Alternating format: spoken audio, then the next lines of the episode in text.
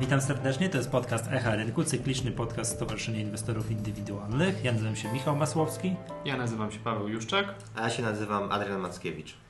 Dzień dobry panowie, witam mm, naszych słuchaczy. Kilka spraw. Pierwsze, ogłoszenie dusz, duszpasterskie. Yy, pierwszy, 3 grudnia mamy konferencję Profesjonalny Inwestor. Także i od poniedziałku rusza, czy zakładam, jak będziecie tego drodzy słuchacze słuchać, to już wszystko będzie na stronie odsłonięte. Rusza konferencja Profesjonalny Inwestor. Rzućcie okiem.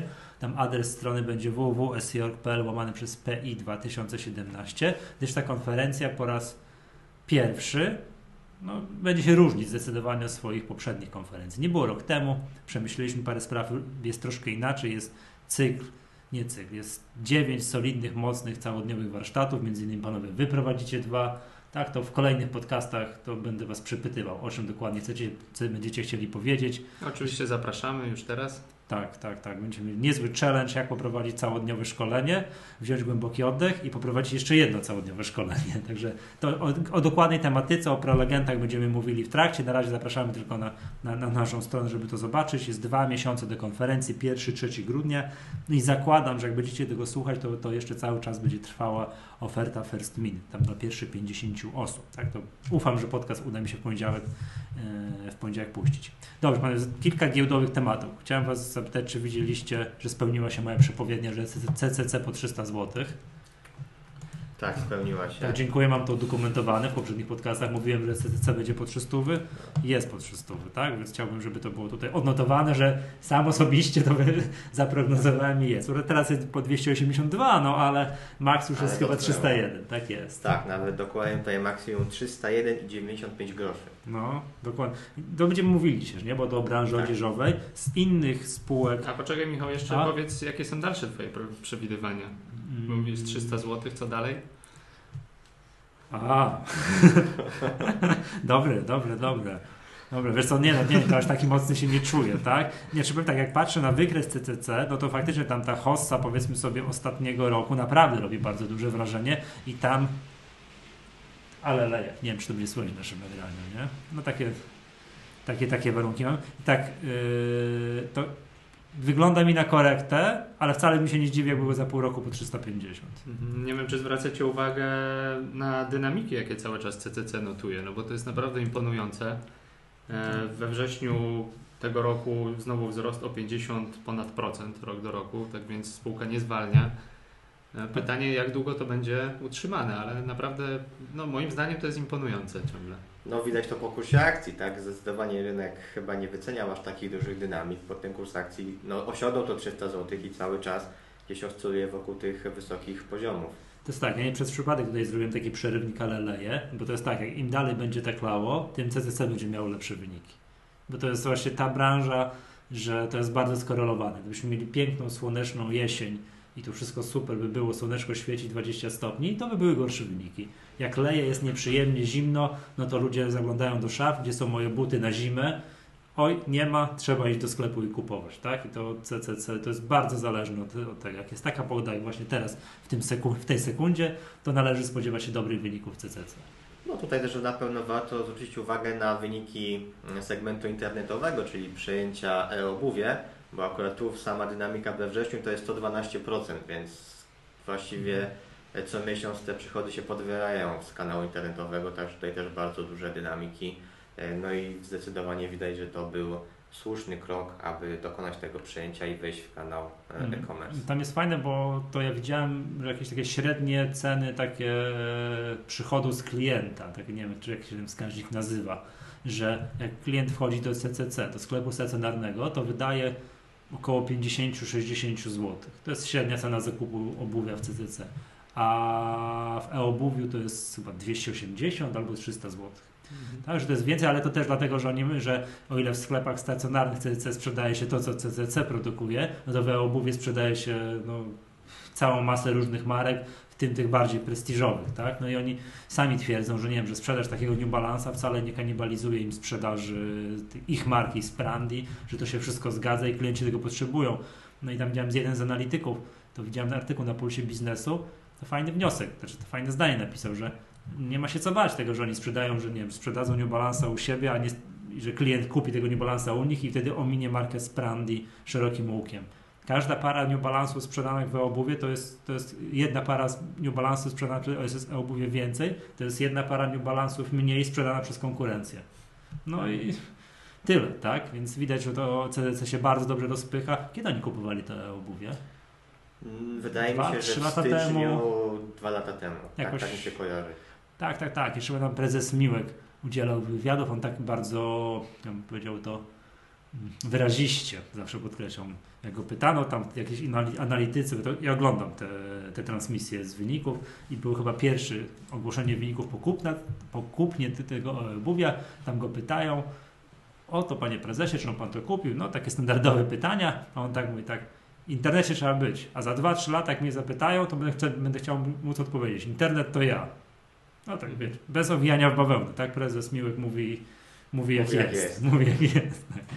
A z drugiej strony też musimy tutaj zaznaczyć, o czym rozmawialiśmy kilka dni temu, że przy tej cenie już stopa dywidendy w CCC no, wrażenia nie robi. O, E, właśnie, ja Adrian, ty myślę, że- jesteś specjalistą. To CDC to jest spółka wzrostowa czy Znaczy, dywidendowa? akurat w przypadku CCC to stopa dywidendy chyba nigdy nie robiła wrażenia i była tylko miłym dodatkiem do, do tych wzrostów, które notuje kurs akcji. No ja mówię, że CCC dalej jest spółką wzrostową, ma jeszcze dużo do pokazania w Europie Środkowo-Wschodniej i tutaj te dynamiki też raczej wskazują na to, że cały czas jest spółką właśnie wzrostową, a, a i tą, o tą pozycję cały czas jeszcze walczy i mocno zabiega.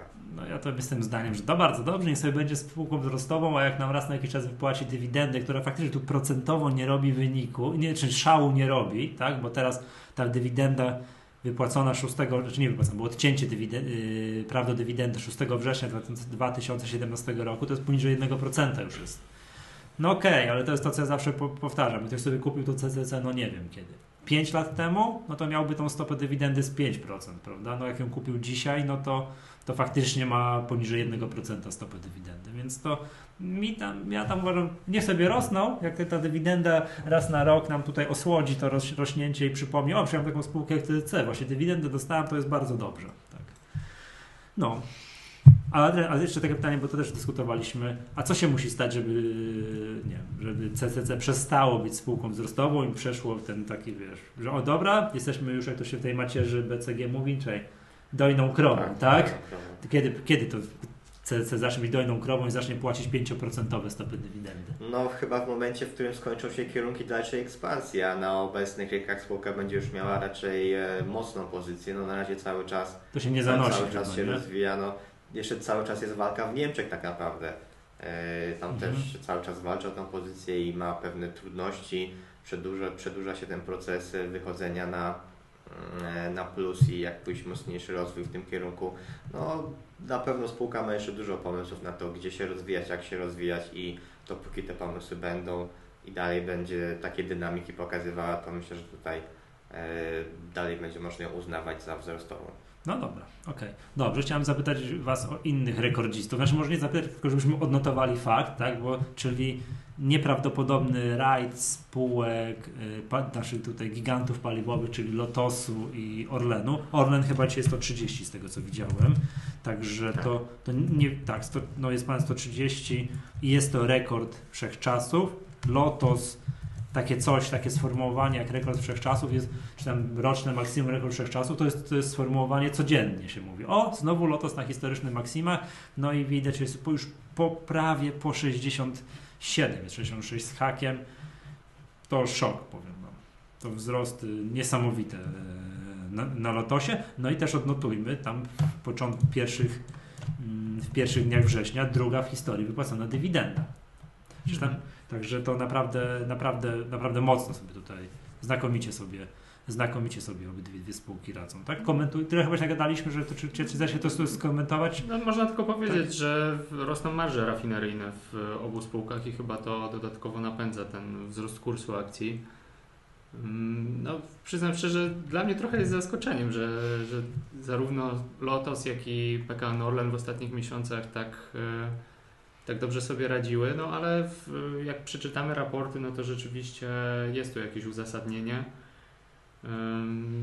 I co można dodać więcej? Nie, nie jest to moja branża, w której się specjalizuję, natomiast yy, no kto, kto tutaj zainwestował, to, to naprawdę mógł sporo zarobić. Czy dla mnie jest akurat wzrost, na przykład takie Orlenie nie są zaskoczeniem, natomiast skala wzrostów już tak. No bo to, że tam spodziewałem się, że to, to, to wzrośnie, no to, to, to, to jest ok, tak? To, to, to, to, to na pewno. Natomiast to, że to już jest po 130, to jest, to jest nieprawdopodobne. Dziś widziałem sobie jakiś webinar Pawła Szczepanika, który wymieniał, taki podawał taki przykład, że jak spółka przekracza 100 zł, to wchodzi do tak zwanego już takiego prestiżowego nie wiem, postrzegania inwestorów, że inwestorzy postrzegają, że to już nie jest, nie wiem, że to nie jest ani groszówka, że to kosztuje złotówkę, dwa złote, ani nie jest po kilkadziesiąt, tylko że jest jak już stówę kosztuje i przekroczy tę tą barierę na stałe, to jest zupełnie, zupełnie inne postrzeganie inwestorów i wymieniał te spółki tak z pamięci powymieniał. Na pewno Orlen i na pewno CD Projekt. Tak, no bo CD Projekt też, jak się jeszcze na stałe zagości powyżej tych 100 zł, a wiem co jeszcze, JSW, o właśnie, co JSW, bo on No, zdaje, słabiej. zdaje się, że zawróciło poniżej 100 Projekt, zł, tak? Więc to musi być takie stałe zagoszczenie powyżej 100 zł, jest zupełnie inne postrzeganie i mam wrażenie, że Orlen już powoli w, jakby w, w umysłach inwestorów przyzwyczaja nas do tego, że oni są po 100, że oni są trzycyfrowi.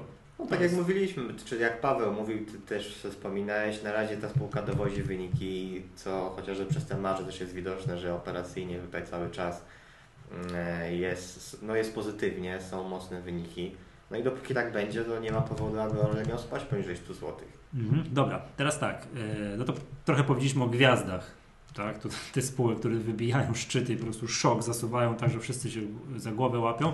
Powiedzcie panowie dwa słowa o takiej spółce, która to z kolei wyników nie dowiozła, a była przed, przed chwileczką debiutantem i no nam na Wall Streetie bardzo ładnie się prezentowała, tak? Czyli Maxcom. Co ta spółka robi, co tam, no i co tam się stało, bo wykres przypomina mi, no nie wiem co mi przypomina. To chyba Owi- wodospad, tak? Briu, Ku, y, Kumak, Mhm. Czyli wodospad, formacja wodospadu, bo tego, bo tego, tego się nie da opisać żadną formacją techniczną. To nie jest żadne wybicie z niczego, to po prostu oberwanie to jest, to jest skok taki, wiecie, w przepaść. Co się stało na max, przecena o ile? O takie zdrowe 40 parę procent, tak stryk w dwa No, dni, prawda? Około 50 zł do 30 obecnie, czyli no, bardzo duża przecena w ciągu ostatnich dni. To jest, nie jest spadek, to jest zawalenie się kursu, tak? Tutaj, co, co tam się stało w tym Maxcom? No właśnie, czy nie dowiozło? No, w, prognozy były opublikowane w związku z debiutem Maxcom na polskiej giełdzie. Przedstawione były w prospekcie emisyjnym. Póki Który miał co, miejsce w czerwcu. Tak. Mhm. E, póki co spółka nie zdecydowała się na odwołanie tych prognoz, zostały one podtrzymane. Natomiast patrząc po wynikach półrocznych, które zostały opublikowane, inwestorzy mają spore obawy i chyba są to obawy uzasadnione, no, że jednak ta prognoza nie zostanie zrealizowana pomimo tych podtrzymanych obietnic zarządu. Może też dodajmy troszeczkę liczb y, w samym pierwszym kwartale, czyli tym, czym jeszcze spółka się chwaliła w prospekcie emisyjnym.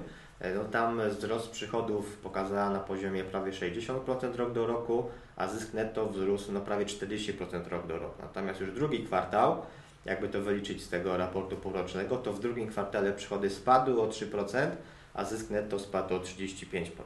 Mhm. Ja tylko dodam, że w, zarząd oczekiwał, że w 2017 roku zysk netto będzie wynosił 17,7 miliona złotych, natomiast po półroczu ten zysk wynosi zaledwie 3,6 miliona złotych, czyli to jest mniej więcej 20% planu wykonany. No, Po, natomiast przepraszam, po półroczu. Tak? Tak. Po półroczu. Natomiast w Maxcomie też myślę warto zwrócić uwagę na to, spółka tutaj mówi, e, że te najważniejsze miesiące to są, przepraszam, kwartały to jest trzeci i czwarty. To nawet takie pojawiło się sformułowanie w sprawozdaniu, że czwarty kwartał, w czwartym kwartale historycznie spółka osiągała lepsze wyniki niż w całym pierwszym półroczu. W samym jednym kwartale. E, Tutaj tak podkreśliła, jak ważne są te dwa kwartały i stąd też wynikała, wynikało podtrzymanie prognoz, E, czyli właśnie te oczekiwania względem drugiego półrocza 2017 roku. Mm, Ale a propos takich prognoz, co to spółka po zawaleniu nie, nie, nie koryguje prognoz, mija trochę czasu i trochę później jednak, o, nagle i tak wszyscy otwierają oczy, no niemożliwe, to będzie dowieziona ta prognoza, chyba to się nie ma prawa udać.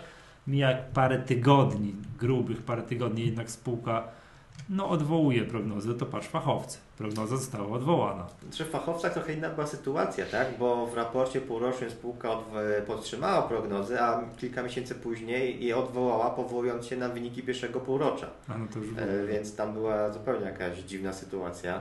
A widzieliście komunikację prezesa przez Facebooka? Przez rozpaczliwy list do inwestorów, że gdyby byli w San Francisco, to by się nikt nie zdziwił i mieliby 160 milionów dolarów finansowania i nikt by głupich pytań nie zadawał o zyski. No tak, czytaliśmy to. Po części można się zgodzić z tym, że no, firmy rozwijające się niekoniecznie na początku swojej drogi są rentowne. Prawda. Natomiast y, no, problem był z tym, że prezes y, fachowców obiecywał, że te zyski pojawią się e, w 2016 chyba już No, roku. w tym poście na Facebooku na- nawet mówił, że od kilku lat e, obiecywał te zyski miały się pojawić, no ale jakieś problemy się pojawiły i ostatecznie nie udało się ich osiągnąć. Ja wam powiem tak, ja z tego posta na Facebooku, to podlinkujemy tak w opisie podcastu, jakby ktoś tam do tego nie dotarł, to ja tak odczułem wrażenie, że wszyscy są winni, nie, inwestorzy są przede wszystkim winni. To my, ja tu dobrze działam, spółka wszystko jest gra gitara. To ci źli inwestorzy zysków się domagają. No ludzie, co to za... No wiesz, to nie ludzie, to wilki, nie? No, No tak, no tak, ja, ja to tak odczytałem. musimy też zwrócić uwagę, że no na pewno w dużej mierze ten post i cała sytuacja komentowana w mediach, jeśli chodzi o fachowców, wynikała ze spadku kursu akcji. No a tutaj czy tego No ciężko się dziwić inwestorom, że mieli akcję po złoty 20, jest po 9 groszy. Tak, no ale to No. jednak w dużej mierze, o czym też już tutaj mówiliśmy w podcaście, wynikało z wprowadzenia no, praktycznie e, tyle samo akcji, ile było, to tyle samo wprowadzono, także podwoiła się liczba akcji. No to też mocno wpłynęło na kurs, na, na cenę giełdową.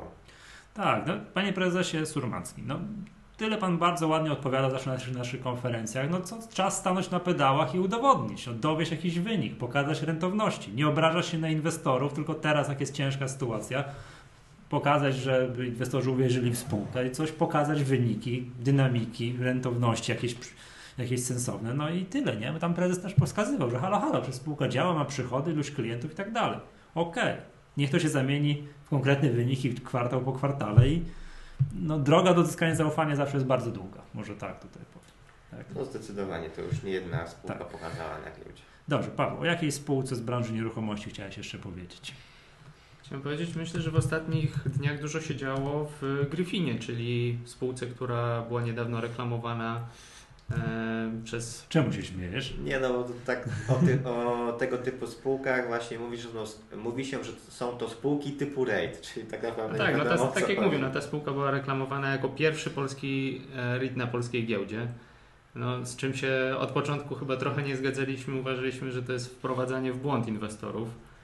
No bo ta ustawa o tych rejtach, ritach, gdziekolwiek No, to się pierwsze- wymawia, nie jest jeszcze Po pierwsze, nie, po pierwsze nie jest to REIT, a po drugie, czy tam REIT, e, jak to się wymawia, a po drugie nie jest to polska spółka, bo przypomnijmy, że ma ona siedzibę w Holandii, co niesie ze sobą bardzo no, poważne skutki w razie jakichś e, kłopotów dla inwestorów, którzy inwestują w taką spółkę. Paweł, ale ty się orientujesz, jak to prawnie wygląda, jak spółka prawa holenderskiego? Okej, notowana u nas, wszystko jest. Wypłaca dywidendę. Jak ona jest opodatkowana? Tak zupełnie z ciekawości. Bo jak mi Orlen wypłaca dywidendę, to ja wiem, jak to jest opodatkowane. No A właśnie jak problem, tak, taka zagraniczna, to co się dzieje? problem z zagranicznymi spółkami jest taki i przy, wypłac, przy wypłacie dywidendy, że jest ona podwójnie opodatkowana i tutaj wszystko zależy od umów e, o unikaniu podwójnego opodatkowania. Nie wiem jak to wygląda e, w przypadku Holandii, ale zazwyczaj jest tak, że jest podatek pobierany u źródła, a później e, w Polsce z odpowiednim odliczeniem, na przykład jeśli e, nie wiem, w jakimś kraju by było pobrane 15% u źródła, no to u nas inwestor musiałby dodatkowo 4% zapłacić. Ale na przykład jakby było pobrane 25%, no to, To może się ubiegać o zwrot 6%? no właśnie chyba nie. Aha. No rozumiem, no to jest, to jest problem. No, ale rzeczy. tutaj zwróćmy uwagę, że to nie chodzi tylko o dywidendy, no bo zwróćmy też uwagę, że p- podlega prawu, jakie jest w Holandii. Jeśli jakiś spór korporacyjny, to, to wtedy się pojawia problem, że to będzie Sąd roz- w Rotterdamie będzie no to dokładnie, walne, tak? Okej, walne no. zgromadzenia w Holandii, czyli inwestor, który chce się wybrać na walne zgromadzenie, to musi liczyć się z podróżą do chyba do Amsterdamu. A, to to jeszcze nie jest tak źle. Ja kojarzę spółki, które są, yy, nie wiem czy one jeszcze istnieją na polskiej giełdzie, bo dawno się interesowałem, to jakieś maluchy, które gdzieś na jakichś wyspach brytyjskich, gdzieś No tam, tak, ale nie tak. w sensie nie, nie, nie, na, nie w Wielkiej Brytanii, tylko na tych malutkich wysepkach dookoła. No jasne, Gdzieś tam mamy, są mamy siedziby, tak? chyba z siedzibą w Kanadzie i tak dalej.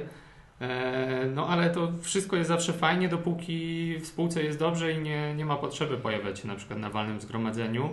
Natomiast no, bywały takie przypadki, że spółka nie zachowywała się w porządku, powstawały jakieś problemy i no, jeśli to jest spółka zagraniczna, no to wtedy no, problem, który jest w Polsce dla, dla inwestorów indywidualnych rośnie No, E, zdecydowanie. Jeszcze bardziej, tak? Tak, dokładnie. No dobra, ale póki co chyba nie ma takiej sytuacji, bo, bo przez ostatnie kilka dni spółka wzrosła o 20%, też jednym takim skokiem, bo chyba jest wezwanie na ten Gryfin. No tak, ta spółka od e, debiutu systematycznie traciła na wartości na polskiej giełdzie.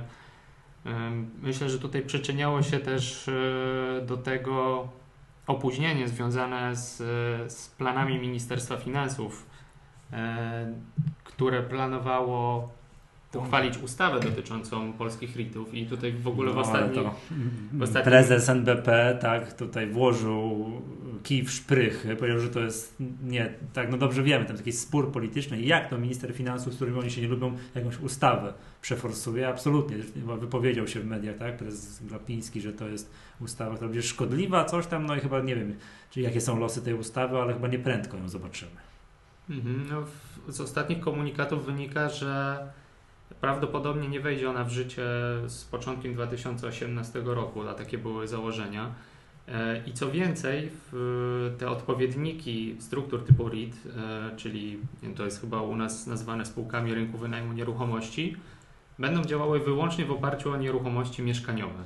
Czyli no tutaj nie będą mogły nabywać nieruchomości Biur. komercyjnych. Tak? Biur na przykład. Takich No tam. właśnie, co też jest chyba dużym zdziwieniem na rynku. Ja bym jeszcze dodał, że początkowo mówiono o tym, że polskie REITy mają e, właśnie wyłącznie w takiej komercyjnej nieruchomości inwestować. Potem pojawiła się opcja, że w komercyjne i mieszkaniowe.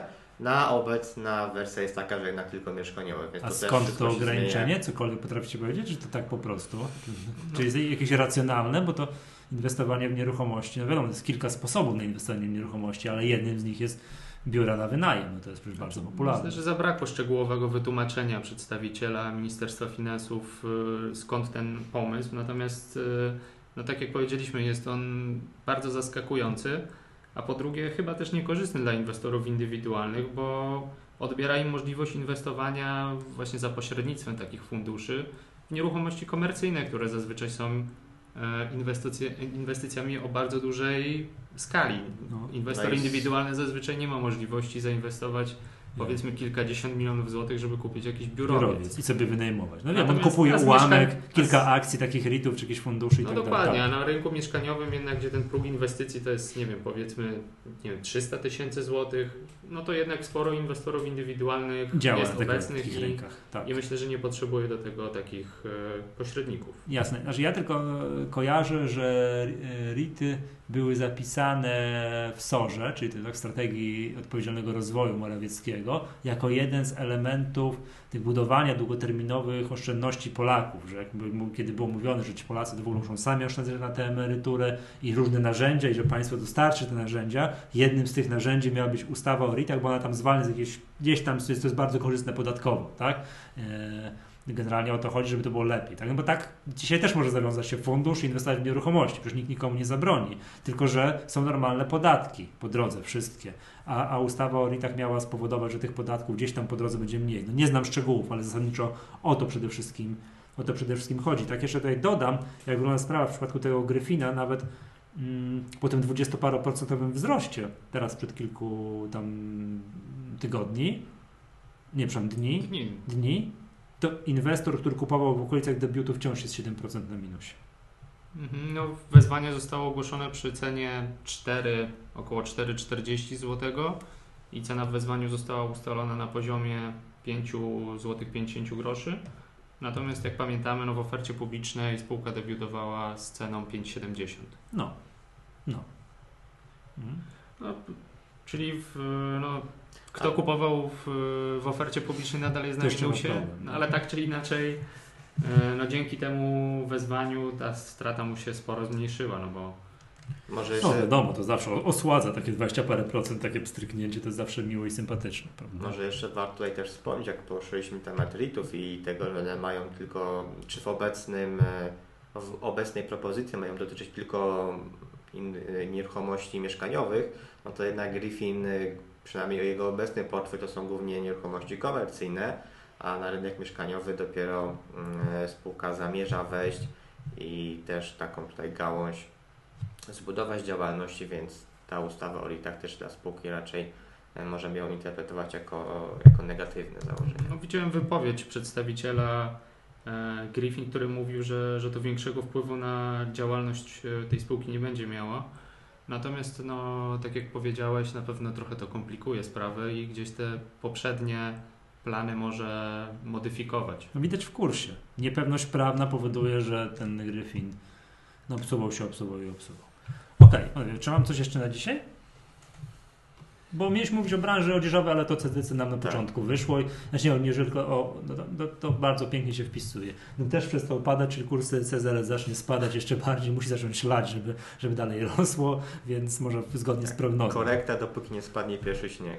Tak, tak. Później znowu z pierwszym śniegiem znowu będziemy mieli zainteresowanie kursem CCC, tak. No bo oczywiście wiadomo, tu mamy się troszkę śmiejemy, ale tak w długim terminie tak naprawdę no bardzo dużo od takich, od takich rzeczy no ja zależy. Też pamiętam nieraz wypowiedzi właśnie przedstawicieli CCC, którzy tłumaczyli wyniki, czy to słabe, czy to dobre, właśnie powołując się, co wpłynęło? Pogoda. Nieważne co, zawsze pogoda. Nieważne, czy by dobre, czy złe, co wpłynęło pogoda. nie, to Takie są uda, wyniki, udana, taka była pogoda. Dokładnie, udana kolekcja, nieudana, trafiony projekt, nietrafiony, lokalizacja, nieważne, pogoda. Dokładnie. No, może, zawsze można, to jest fajne, nie? Nieważne. Zawsze wszystko można zwalić na pogodę. Dobrze, dobrze, dobrze. Nic na pogodę nie, nie zwalamy, to jeszcze raz zapraszamy na profesjonalnego inwestora w pierwszych dniach grudnia, pierwszy rzeczy grudnia do Gdańska. Dawno nie byliśmy nad morzem, więc przejdziemy się tym razem do Trójmiasta. Strona jest y, www.sjork.pl łamane przez PI 2017, no ale będziecie tego słuchać w poniedziałek na naszej stronie, już to będzie wszystko odsłonięte, ładnie namalowane. Nie sposób będzie nie trafić na stronę profesjonalnego inwestora. No a w kolejnych odcinkach pomęczę Was panowie, co Wy tam będziecie mówili, żebyście zrobili piękną reklamę, jak to, jak to czego to się będzie można nauczyć. Całodniowe warsztaty. Już teraz zapraszamy. Tak, zapraszamy. Dobra, okej, okay, dziękuję serdecznie. To był podcast Echa Rynku. Ja nazywam się Michał Masłowski. Ja nazywam się Paweł Juszczak. I był z nami Adrian Mackiewicz. Do usłyszenia następnym razem.